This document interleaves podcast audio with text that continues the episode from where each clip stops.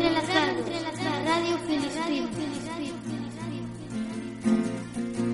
A Radio Libre Comunitaria da Terra de Trasalcos.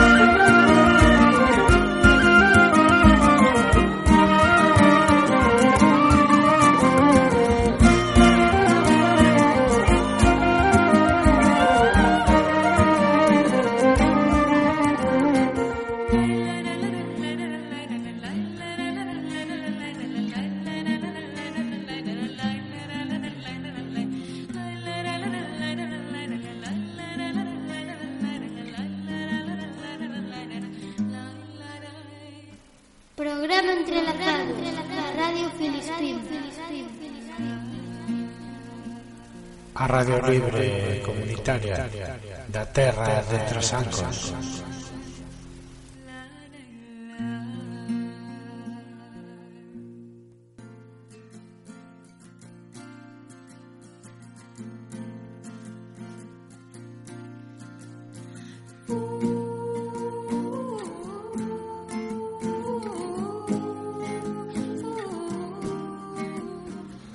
Ola a todas e a todos Benvidas e benvidos ao programa Entrelazados número 46, programa divulgativo en lingua galega, na canle 93.9 da FM, na Radio Filispín, a radio libre comunitaria da terra de Trasancos.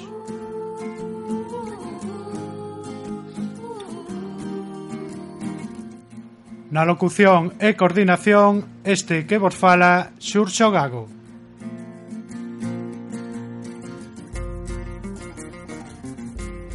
Neste programa número 18 da segunda temporada temos unha mini entrevista a Luis Calvo, presidente da Asociación Conxeito e membro da xestora do Ateneo Ferrolán, para falarnos das vindeiras actividades e proxectos do Ateneo Ferrolán co gallo dos 40 anos da súa refundación.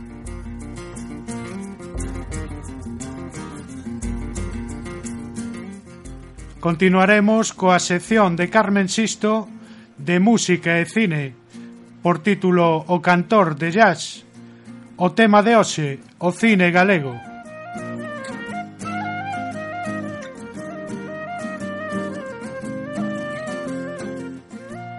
Lembrar que para contactar co programa tedes as seguintes vías: email entrelazados nas ondas arroba gmail.com vía Twitter arroba entrelazados RF e por teléfono 981 37 10 40.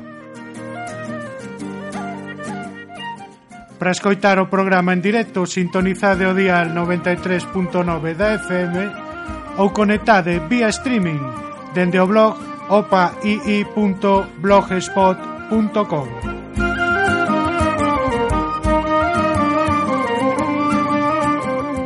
Entrelacemos.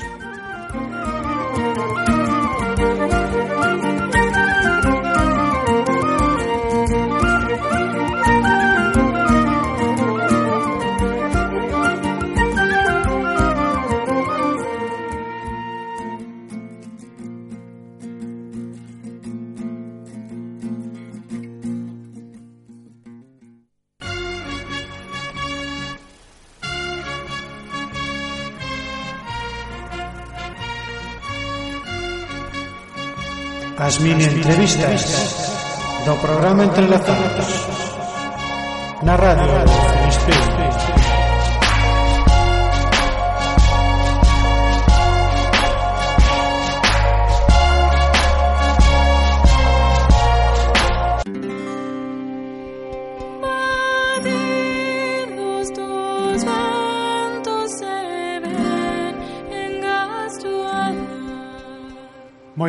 Pois aquí estamos neste programa Entrelazados número 46 18 da segunda temporada con Luis Calvo, presidente da Asociación Conxeito e xestor membro da xestora do Ateneo Ferrolán. Moi boas, Luis. Hola, boas tardes. Que tal? Benvido aquí aos estudios da Radio Filispín. Pois encantado, como sempre. E imos alá a falar do Ateneo Ferrolán que, que ten moita historia, non? Eh, aí atrás. Pois si, sí, a historia do Ateneo Ferrolán é moi longa dende, dende o ano 1879 que dende o ano 1879 que de, o coñecemento que temos do primeiro Ateneo Artístico, Científico e Literario que houve en Ferrol pois xa pasaron moito moito tempo, moitos anos. Entonces hubo unha, unha etapa no 1879 que é a súa primeira fundación e logo en 1903 houve un grupo que, que eh, refundaron outra vez eh, outra etapa máis de, do Ateneo para eh, durar desde 1903 ao ano 1906 eh, logo pe, hai un pequeno salto ao 1917 e do 1917 pois xa se recupera e volve a funcionar xa con máis forza mm. eh, no ano 1931 en plena en plena República. Mm. Eh, e isto durou eses anos, pero tamén como como todo eh, o que pasou no 1936 pois que desapareceu. Rematou a partir de a actividade do Ateneo remata a partir de 1936, non? Sí, 1936 como todas as libertades quedaron cortadas en en España, pois en Ferrol tamén eh, o Ateneo tuvo que desaparecer. Mm. E curiosamente, pois eh, eh, a súa refundación pasaron 40 anos, o sea, curiosamente digo porque mm. pasaron 40 anos hasta o ano 1976 en que se refundou o Ateneo xa dunha, de, dunha forma xa continua mm. e desde o ano 1976 agora estamos precisamente no 2016, outros 40 anos máis en plena con plena vixencia, plena actividade de, do claro. Ateneo, que aí estamos para que intentar etapa, seguir adiante con el. Que a etapa que máis está a durar, non? A etapa democrática... Sí, son 40 anos con, de continuidade de de, do Ateneo e ademais con, con moita forza e, e con, con cousas moi interesantes e de, e de nivel, como... Mm como se, como se dide, que, que trascende, trascenderon moitas delas eh, non só a, a, a comarca ferrolana, sino que mm. trascenderon a Galicia, España e, e cousas que se fixeron eh, que trascenderon cousas que son coñecidas internacionalmente. Mm. Eu penso que con isto queda ben claro xa a importancia do Ateneo históricamente, unha entidade que xa naceu hai máis de, de 100 anos e que estivo limitada a súa actividade pois polo que sabemos pola ditadura durante eses 40 anos tamén de, de, de longa pedra no? de longa noite de pedra perdón sí. eh, entón pois por iso entendemos agora esa celebración da refundación non? deses 40 anos e eh, todas as actividades que ten por diante o Ateneo non? e todas as miras porque tamén non hai que obviar que o Ateneo pois está a pasar por unha serie de problemáticas que demandan unha solución pois pronta, non? Eh, eh duradeira, e eh, para iso se demanda eh, a axuda da cidadanía, non? Máis que nunca. Sí, eh, vamos a ver, eh, desde que se fixo esta refundación no 1976, o Ateneo en Ferrol foi foi un referente cultural. Mm, creo que non me equivoco se diría que durante estes anos foi a primeira entidade cultural a nivel de a nivel de Ferrol, non? E que con cosas moi importantes. Entonces, eh cando se refundou o 24 de marzo de, de 1976 precisamente, pois eh, foi mm, partindo de, de un movimento que había de, de, de cineclubs, de cineclubs que había eh, mm. funcionando en Ferrol, e a xente que estaba metida en, eses, en, en esa actividade de cineclubs, pois foi que se reuniron unha serie de, de, de, de personas con, con, con máis xente mm. ateneístas, e foi cando se meteron a fundar o Ateneo. entonces desde ese momento que o Ateneo eh, empezou con actividade, eu recordo de, de, de, moi, mo, de moi mozo, de ir a, aos, ao, aos cineforum que organizaba o Ateneo, o Ferrolán, os organizaba pois no Callao, no Capitol, no, no, nos, nos cine, no cine Atenas, eu recordo de ir a ver películas que eran proxetadas, eh, e empezou no, no, no instituto, no, no, no instituto que ten un salón de actos e, e se proxetaban ali as películas para a continuación, o que un cineforum, pois, eh, eh, tratar en, en unha mesa redonda o tema de, da película que, que se proxetara anteriormente, non? E a partir eh, de aí comezou a retomarse outra vez, non? Sí, a partir de aí de, hubo un punto moi importante que foi cando o, o Ateneo non tiña un local social, entonces por eso se recurría a, aos cinematógrafos de Ferrol, non?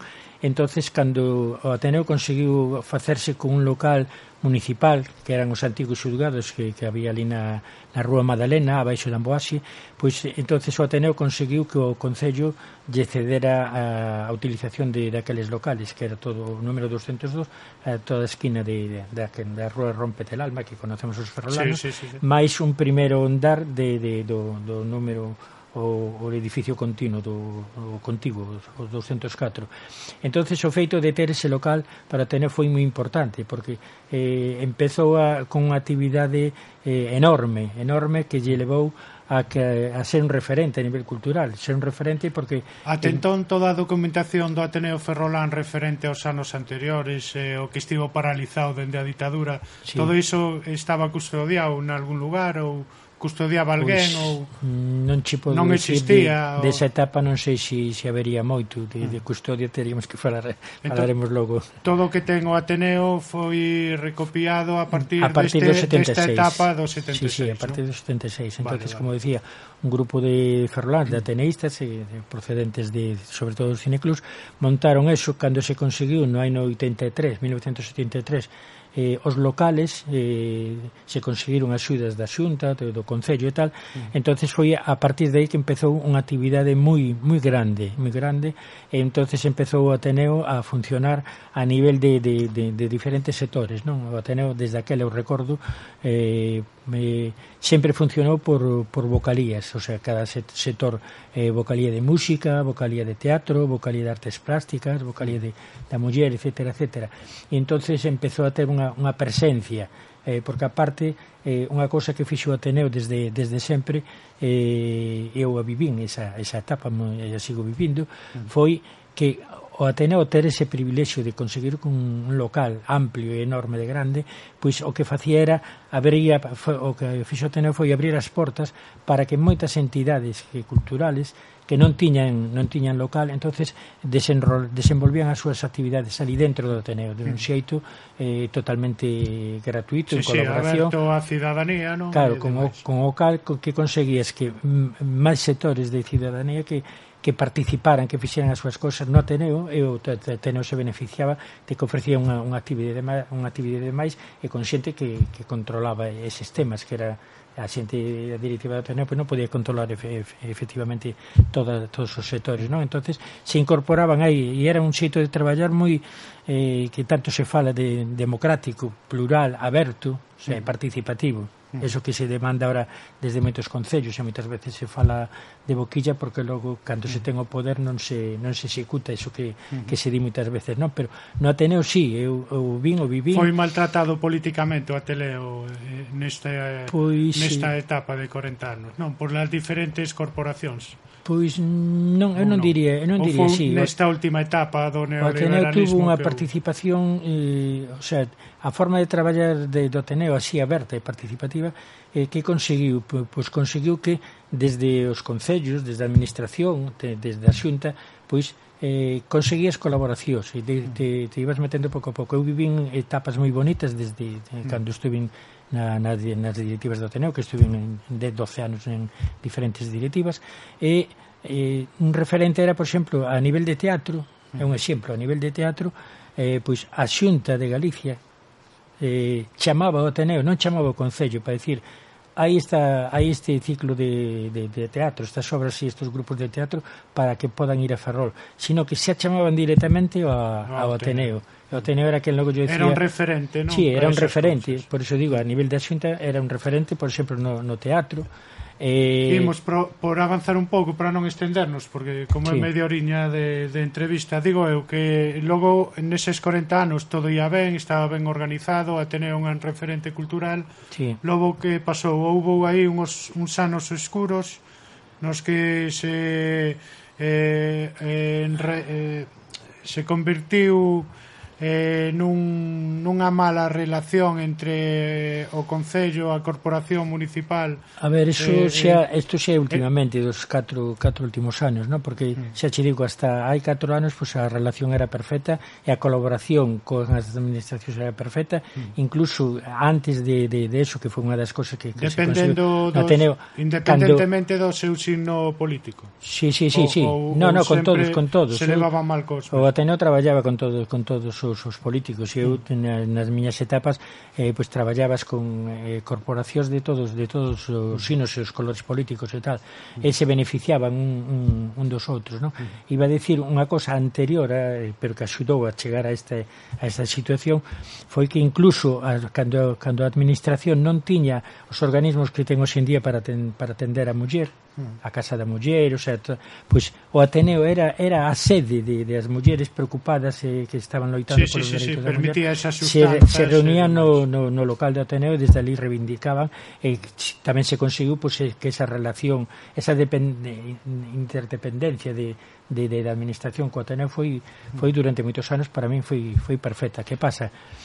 Que logo cando se quiso ampliar o, o, o local, xa o local da lado estaba Comezaron os problemas. Comezaron os problemas, sí, porque o eu estaba na na directiva, na presidencia cando se se empezaron con as primeiras proxectos para rehabilitar o Ateneo que se trataba de coller o edificio colindante onde estaban os exalcólicos, estaban eh, as ambulancias de detente e ayuda e entonces se collían cando lle deron lo, outro local a esta xente a estas entidades pois o proxecto foi que rehabilitar todo o edificio para que os dous edificios para que o Ateneo que levara mm. os dous edificios. Por que? Porque ese referente, ese referente de, de, de, de Ateneo tiña unha biblioteca e unha hemeroteca, a única hemeroteca que hai na, na, na, por, por aquí por la zona norte, mm. eh, e que era era pública, o sea, e, e ali mm, eh, a cantidad de, de miles de libros que, que había ali eh, eh, cabeceiras de, de revistas e eh, coleccións enteras de cadros de, de, pintores, de prensa, de pintores. Eh, cadros de pintores, pois eu de, recordo de facer 14 exposicións anuales, que eso di moito. Entonces hai máis de 300 obras de, de, de, de cadros, de pintura e de esculturas que, que están, o sea, que, que son propiedade do Ateneo. Que... Entón, toda esa problemática que tivo Ateneo veu porque o Concello de Ferrol Eh, mire, se me permite... No, se, eu apunto, che, digo... Sí, sí, no, no, exacta, que... che digo exactamente porque sí. porque o vivín. Exactamente o, o que sucedeu foi que cando se empezou a rehabilitación se marcharon as outras entidades, entonces quedaban dous edificios. Entón, eh, o proxecto de, que, que había de rehabilitación eh, o, o, o, os arquitectos de obra, o arquitecto de, o, de, o jefe de obra eh, arquitecto do Concello, o arquitecto que fixo o proxecto que foi Alfredo Alcalá, de, de, por parte de, de Atenea, pois, os, os dous eh, arquitectos decidiron que había que li, baleirar os dous edificios. Mm. En vez de decir que era o, o práctico, lóxico, eh, eh, calquera cabeza con pois que rehabilites un edificio e cando teña rehabilitado un edificio pasas as cousas dese edificio para outro. Mm. Entonces non, a jefatura de e a dirección de obra decidiu que había que liberar todo. Entonces aí eh, o erro se foi, foi aí. aí. Foi aí, a clave de todo foi aí. Por que? Eh, eh, e, e logo, para abreviar, Luís, porque senón sí. nos imos do tema, logo a directiva que estaba precisamente cando foi ese problema da rehabilitación, xa non foi quen de facer frente non a esa demanda da, das mudanzas, non? Claro. Unha porque xa durante a rehabilitación do edificio o, o Ateneo perdeu socios, non? Claro. Perdeu unha base importante de socios que eran o, Ateneo estuvo o que mantiñan a, a, a economía e o que mantiñan económicamente, non? Sí, a, eu cando marchei de, do Ateneo sobre o ano 90 e 10 anos, máis ou menos así, eh, o Ateneo tiña 1300 e pico de socios. Mm.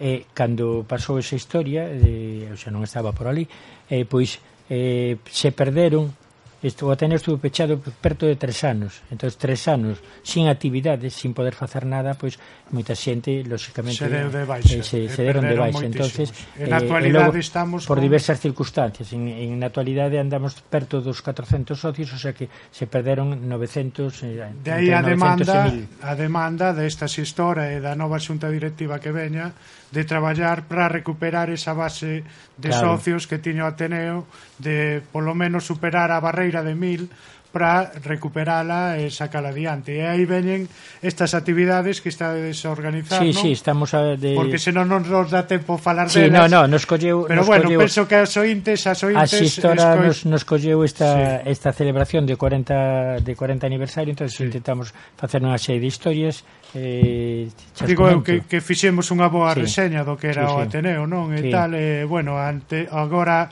a anterior directiva que traballou moitísimo por sacar adiante e comezar a levantar o Ateneo, pois xa cesou porque despois de dos an anos de traballo agotador, non se está agora pois na busca de novas persoas socios que se impliquen para unha nova directiva, sí, sí. non? A clave, a clave ahora está está aí entre que para sair de, de para diante de, destes 40 anos, seguir hasta outros 40 máis, pois o que se trata é hai dúas cousas claves. Unha é recuperar o patrimonio que está no, na empresa esa en contenedores guardado aí, incluídos cadros, incluído todo o material que, que hai de, do Ateneo, non? Incluída a hemeroteca, incluídos os periódicos, eh, todo, todo está aí. Mm. Entón, eso é clave, o mesmo que recuperar o edificio totalmente para para a utilidade do Ateneo son dúas pezas clave e que nos agardamos, somos optimistas que na volta de, destes meses de que podamos empezar en outubro máis ou menos unha nova xeira xa recuperando socios, recuperando ese material, recuperando esa pinacoteca moi importante e, e recuperando socios e facer unha directiva que, que poda facer frente eh, Traballar. eh, a esta continuidade recuperar esa continuidade ben. hai unha cuestión moi clara que que a biblioteca de, de, funcionou desde o ano 80 e pico mm. está, eh, supoño que de, na, na rede de bibliotecas públicas da Xunta sí, sí, sí, e está sí. un convenio con a, con a, a Universidade de Ferrol eh, que os alumnos de biblioteconomía poden ir a facer Poidan prácticas, facer prácticas sí, poden facer, sí, sí, que sí. se as fixeron durante moitos anos e tal. Mm. Entonces no momento que se recuperara e eh, puxéramos a andar outra vez esa biblioteca e esa hemeroteca, pois, pues, xa sería un punto moi importante para volver a encher o, o, o Ateneo. O, o edificio. Unha cousa importante que se recuperou é o nome do edificio Ateneo Ferrolán, que antes fora retirado caprichosamente pola anterior corporación, non? Sí, sí, sí, non sabemos como foi, desapareceu a placa dali de, de, da eh, porta. Agora can... xa está restaurada e no seu sitio sí. e o edificio xa se chama É un, é un pasillo máis para, para que a xente Por sabe que aquilo é o Ateneo Ferrolán de toda claro. a vida pasería. De 40 anos. Pois moi ben, eu penso que quedou moi claro pois toda esta situación do Ateneo, esta situación histórica tamén de 40 anos de parada por mor da ditadura e agora de 40 anos de actividade ata hoxe de democracia. de democracia coa súa refundación. Democracia entre aspas vamos poñela non? Xa. eh, hoxe en día eh, hai quen pensa que isto non é unha democracia pero bueno, imos deixalo aí. dentro do Ateneo claro, eu, eu, imos coas eu podo, actividades. podo dicir que sí que, que sí, sí, por suposto, democracia dentro. plural e participativa. Ali sí, se abreu sí, a porta non se escondeu ninguna, ninguna cuestión eh, interesante para, para Ferrol que, que hubiera que debatir. Podes aproveitar para facer un chamamento ás persoas que queiran pois eh, axudar a colaborar co Ateneo, implicarse incluso, non? Sí, bueno, nós temos o sea, unha serie de, de actividades eh, que xa informache desde elas e tal, non? E entonces o que estamos intentando de, con estas actividades e outras máis que estamos preparando eh, ter participación e ter presencia na vida ferrolana outra vez e eh, volver a ser ese referente que durante estes anos pois esta esta cosa difícil, pero somos eh, optimistas, optimistas. En, eh, facemos un chamamento para recuperar esa xente, moita xente que estuvo en diferentes directivas e que e que, que estou é unha cosa moi importante que hai e é que tamén estamos eh, contactando con xente nova porque é moi importante claro. ese, ese vacío que hai eh, xeneracional entre entre a xente que montou que montamos toda esta historia é importante que somos que de 60 para arriba e eh, hai, un, hai un vacío claro. eh, hasta... pero a xente nova ás veces non se achega porque ten medo que non sabe eh, o que, que vou aportar eu que podo aportar xa, xa. o que non sabe que o que distí non? a nova estrutura do Ateneo que xa era que veu funcionando nestes últimos sí. anos que coa túa, segundo a túa experiencia pois eh, funciona con vocalías, vocalías de cultura, vocalías de comunicación, de tal. Mire. Entón, pois cada quen pode achegar o que teño, teño o que unha anécdota, teño unha pois anécdota salva, que, que conto nas, nas charlas estas que estamos dando e tal, moi interesante moi, e moi ilustrativa, non?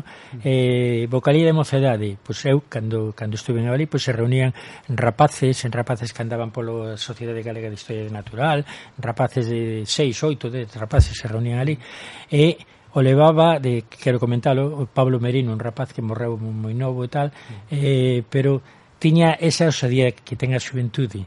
Un día, recordo, eh, chamou ao Ministerio de Defensa co esa osadía de, de, de xoven para invitar a Narcís Serra a dar unha charla ao Teneo Ferrolán. Ah, Evidentemente non, non o conseguiu, no, non, pero, non. pero el fixo colleu e chamou. Sí, entón, sí, sí. en esa en esa reunión que había de, de diferentes rapaces, pois eh, había un, un rapaz que foi alcalde de Ferrol, do PP, López, a calle Ferro López, e se reunía con ese grupo de, de, de mocedade. Quero dicir que, que era unha democracia plural, aberta, e aí non, non se miraba o carnet de, sí, non había carnés aquí. Dereitas, se trata de facer cosas, oye, que, que podemos facer? Pois... Pues... Pluralizar pola cultura, sí, sí. pola literatura e por dinamizar o noso, non? Sí, que... sí, ese, ese para min foi o éxito Muy do Ateneo e espero que siga sendo. Bueno, entón, a que actividades convidamos nos vindeiros días eh, do Ateneo que haxa por diante? Pois pues mira, nos vindeiros días, tem, mañán temos unha charla que vai, se vai falar de, do Ateneo sobre o contexto histórico con Eliseo Fernández, que foi o último... Destas cousas o... que estivemos sí, a falar, pero sí. mellor, máis... Eh, Xurxo Fernández, pero xa a nivel de, de o que é un Ateneo, un funcionamento de un Ateneo, e Bernardo Mai tamén, o historiador, van a mm. falar de a nivel así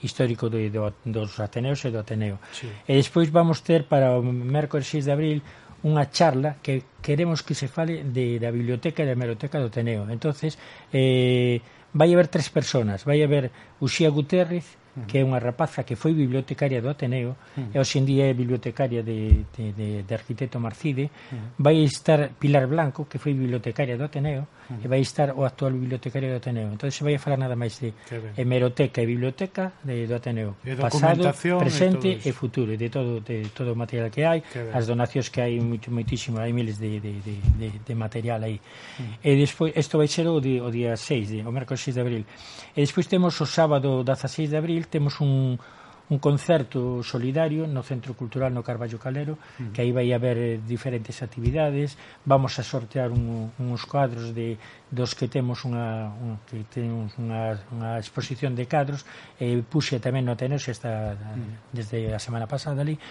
eh, para, para vendelos. Aí subaste e vai, vai, vamos a sortar uns cuadros. Con actuacións musicais son cadros etcétera, que etcétera. os donaron eh, diferentes pintores galegos de Ferrol, de Coruña e de, e de toda Galicia. Que... e unha actuación musical e uns sorteos e despois vai haber outro festival en na sala Super 8 de mm. o venres 29 de abril tamén con a, con a mesma idea, con sortear cadros e, mm. e bueno, solidarios para recaudar fondos, se trata de recaudar fondos para ver si para levantar o Ateneo. Colaborar en, en, esta, en esta historia de, de económica que, ben. que estaba. Eh, bueno, para consultar todas estas actividades eh, poden recurrir pois á páxina de ateneoferrolán.org e eh, ali pois ou no Facebook, non? Tamén Ateneo Ferrolán ou no Twitter sí, sí, Ateneo sí. Ferrolán e ali poden consultar pois toda esta historia da que falamos e todas estas actividades que veñen por diante e a verse entre todos entre toda a bisbarra facemos por levantar o Ateneo sí, Ferrolán. Logo, é unha cousa que ten, que temos moi moi moi clara e, e que eu sempre traballei, non conozco outra forma de traballar no Ateneo que é así, e a relación, a interrelación con, con outras entidades. De mm. feito, eh, hoxe mismo acabo de falar con con Ciro López Lorenzo, que é o presidente do Club de Prensa, eh, para ofrecerlle unha, unha, unhas historias que imos a facer conjuntamente en mm. colaboración, en colaboración co Ateneo, Con, con o Club de Prensa. Pois aí queda chamada a todas aquelas entidades culturais eh, ou non, non? Calquera entidade sí, sí. que queira colaborar co Ateneo Ferrolán, pois aí están esas portas. E bueno, agradecerche, Luís, pois este tempo aquí dedicado ao programa Entrelazados, esta entrevista e moita sorte na xestora e que apareza esa xente Graciñas. para levantar o Ateneo Ferrolán cunha nova directiva que traballe e que dinamice pois como merece o Ateneo Ferrolán. Pois moitas gracias a vosotros por deixarnos eh, expresar todo, todos eses desexos. Graciñas. Moitas grazas, Luís. Vale, Boas noites. Madre dos dos,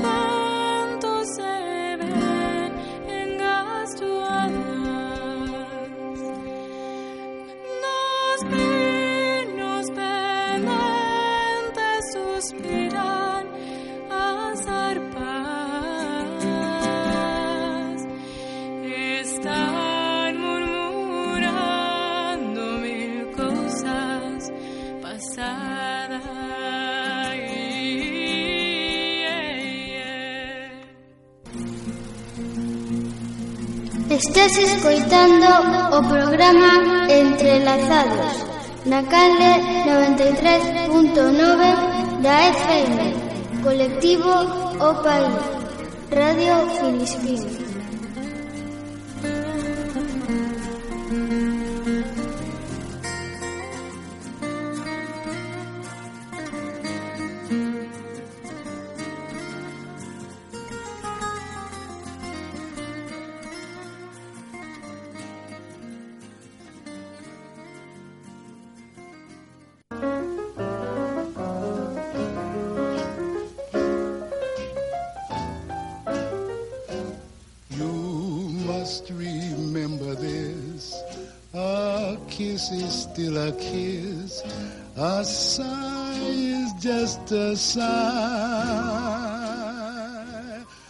o cantor de jazz.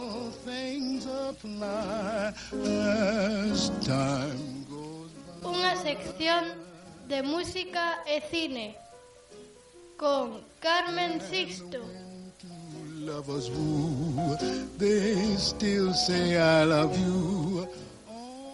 No programa entrelazados na Radio.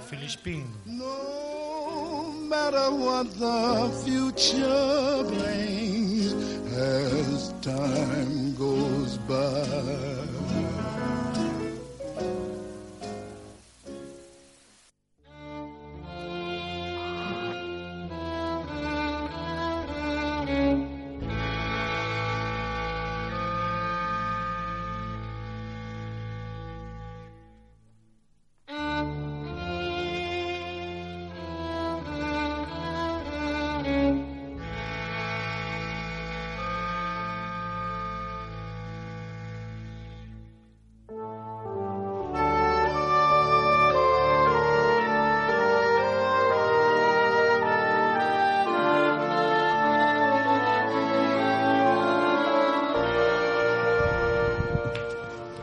Boas noites.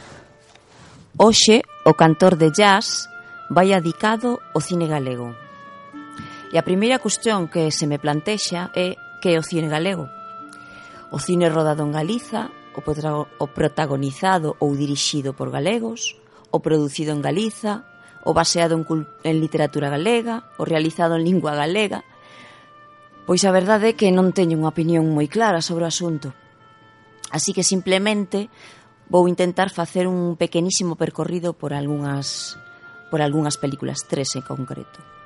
Ben, o cine eh, xa estaba presente na Galiza dende comenzos do século XX, pero mm, eu vou comenzar por un o que penso que supuxo un punto de inflexión no cine galego, non? Que foi a finales dos anos 80, eh, cando se estrearon tres películas comerciais, non? Sempre Sonxa, de Chano Piñeiro, Urxa, de Carlos López Piñeiro e Alfredo Guepinal, e Continental, de Xavier Villaverde. A comezos dos 90 nace o Centro Galego das Artes e a Imaxe e a Escola de Imaxen e Son da Coruña, da cual sairán moitos cineastas dos máis importantes da, da este audiovisual galega actual. E xa na actualidade habería que destacar a corrente chamada Novo Cinema Galego, que xurde a partires do 2005, coa aprobación de axudas para a creación de a novos realizadores e a promoción das súas obras en diferentes certames e festivais internacionais.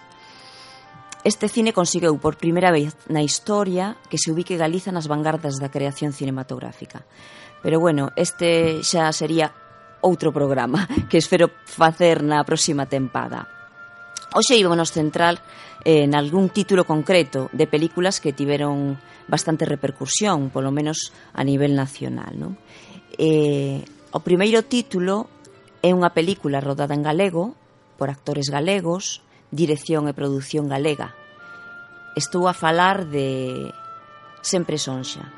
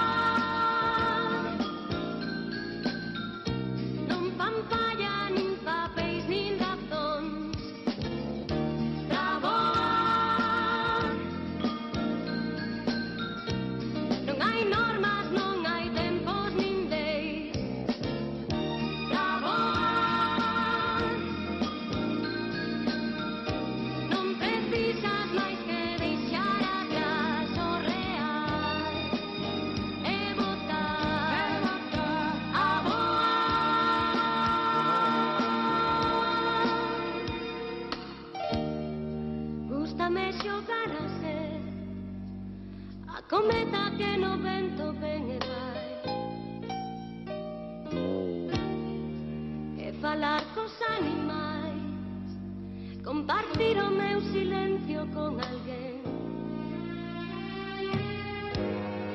Para ser libre hai que saber voar Ver colores que non hai Ser lume non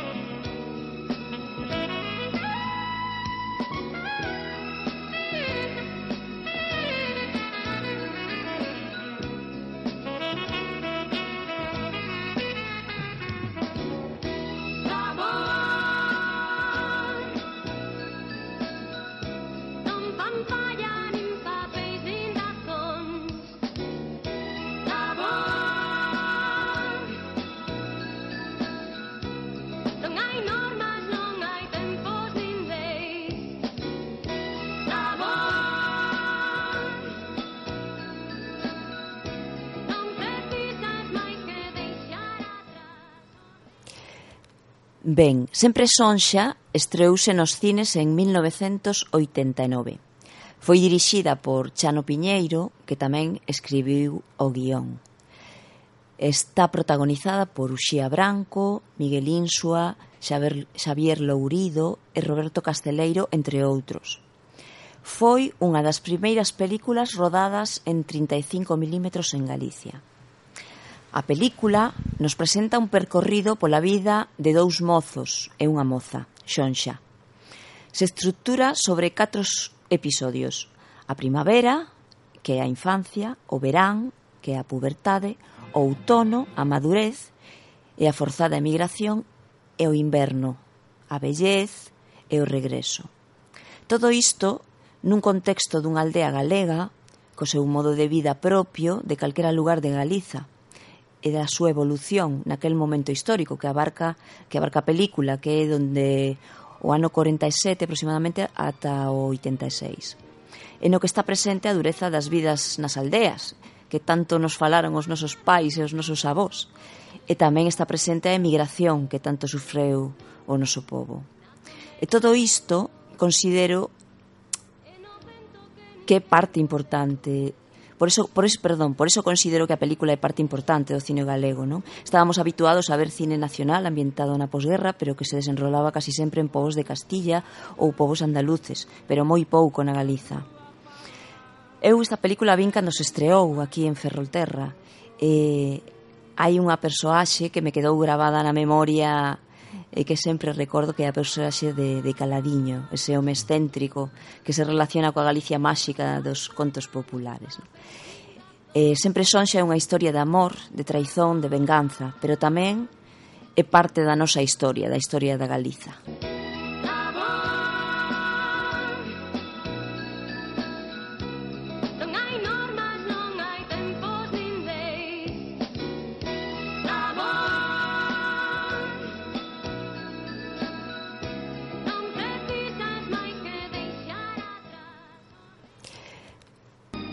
O seguinte título é O lápis do carpinteiro, dirixida por Antón Reixa, protagonizada por Tristán Ulloa, Luis Tosar, María Dánez, Carlos Blanco e Nacho Novo, entre outros.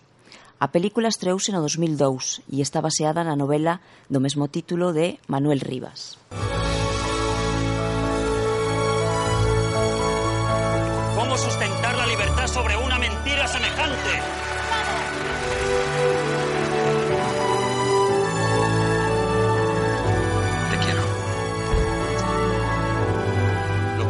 es la República.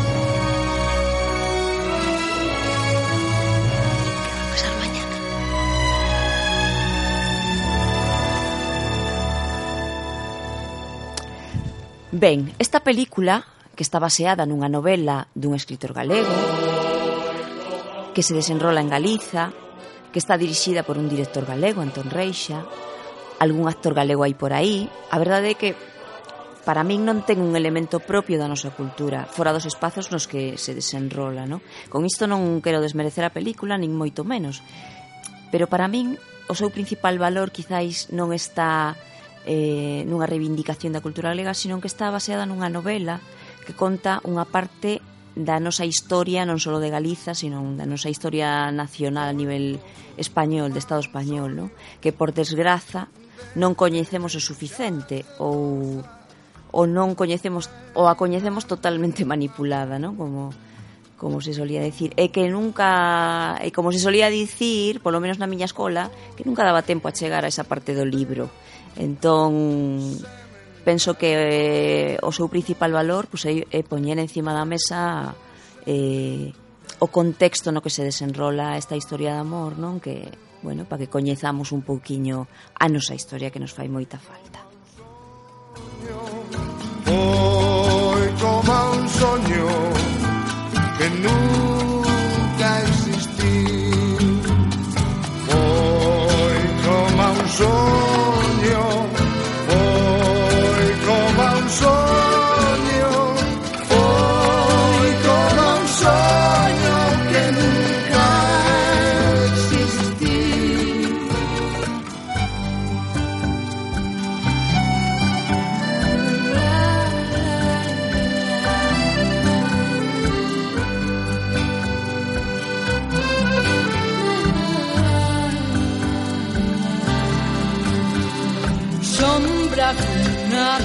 Vida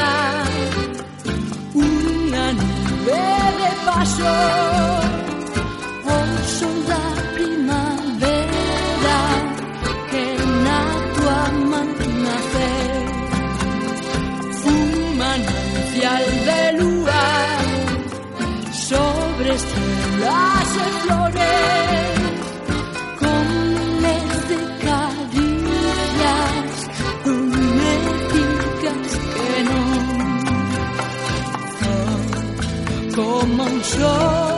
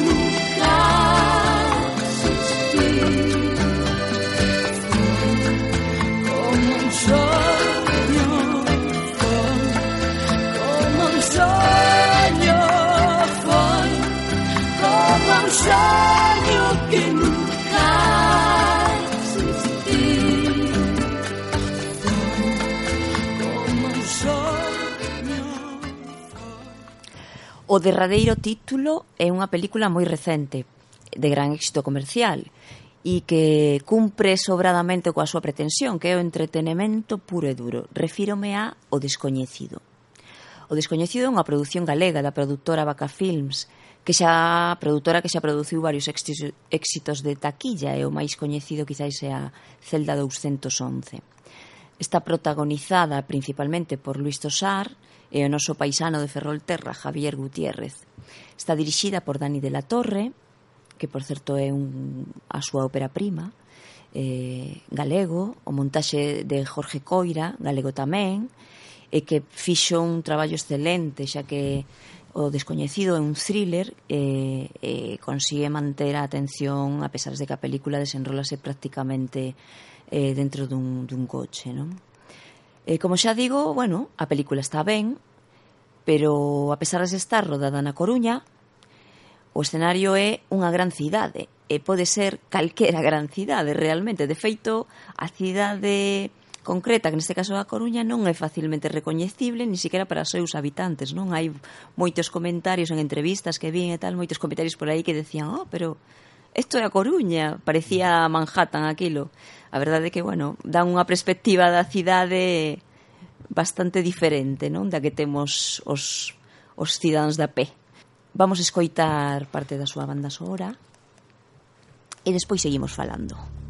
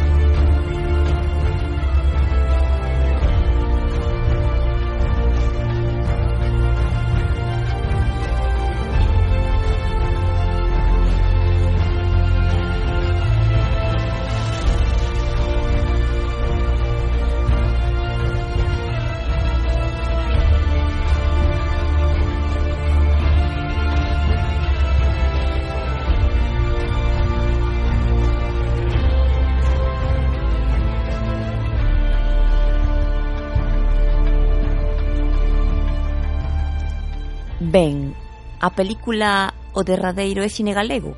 Bueno, está feito en Galiza, por galegos, así que de algún xeito o é, igual que o lápiz do carpinteiro, non? Non sei se hai unha maneira de facer propia daqui, pero bueno, en calquera caso é incuestionable que cada vez hai máis producións que saen directamente daqui e que cada vez teñen máis repercusión fora da Galiza e que de algún xeito nos poñen no mapa estatal e internacional, non? En fin, En último caso, mmm, os que somos cinéfilos, danos o mesmo de onde veñan as películas, si realmente nos din algo ou nos conmoven de algún xeito. Non, non sei se estás comigo de acordo, Xurxo, pero... Estou, estou, si, sí, claro. tes, tes moita razón en todo e que a verdade que o cine é un re, é onde se reflite moitas veces pois a realidade e outras veces non porque a realidade supera incluso afición. Hombre, ben certo que nos como galegos cando vemos unha película rodada en Galicia ou sobre historias pois eso, da nosa cultura, no, nos emociona máis, non? Claro, Pero bueno, pois, eh, que é o que te O ideal antes. é chegar precisamente a outra a outros públicos para que coñezan e, mm. e tamén se emocionen. No, e de feito co lápiz do carpinteiro eh, o que pasa en galego pois eh, eh, preciosísimo vela en galego. Bueno, é unha película triste en sí, non? Pero sí. é precioso vela en galego, pero aínda así triunfa tamén é o que é a, no estatal, non? Polo contido en sí claro, que ten, claro. o forte contido, non? De memoria sí, sí, sí, sí, sí. Non quero ocupar máis eh, o teu espacio. Non, xa me despido porque ata aquí chegamos. E como sempre, quedades invitados a escoitarnos o próximo mércores en Entrelazados. Moi ben. Así que un saúdo e boas noites. Boas noites, esta semana que ven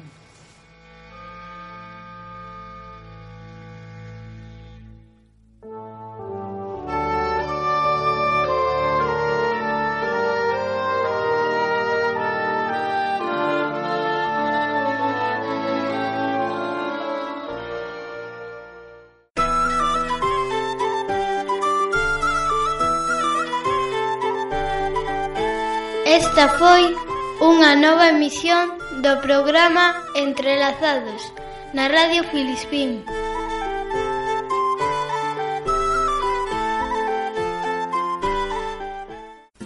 Programa Entrelazados, na Radio Filispín.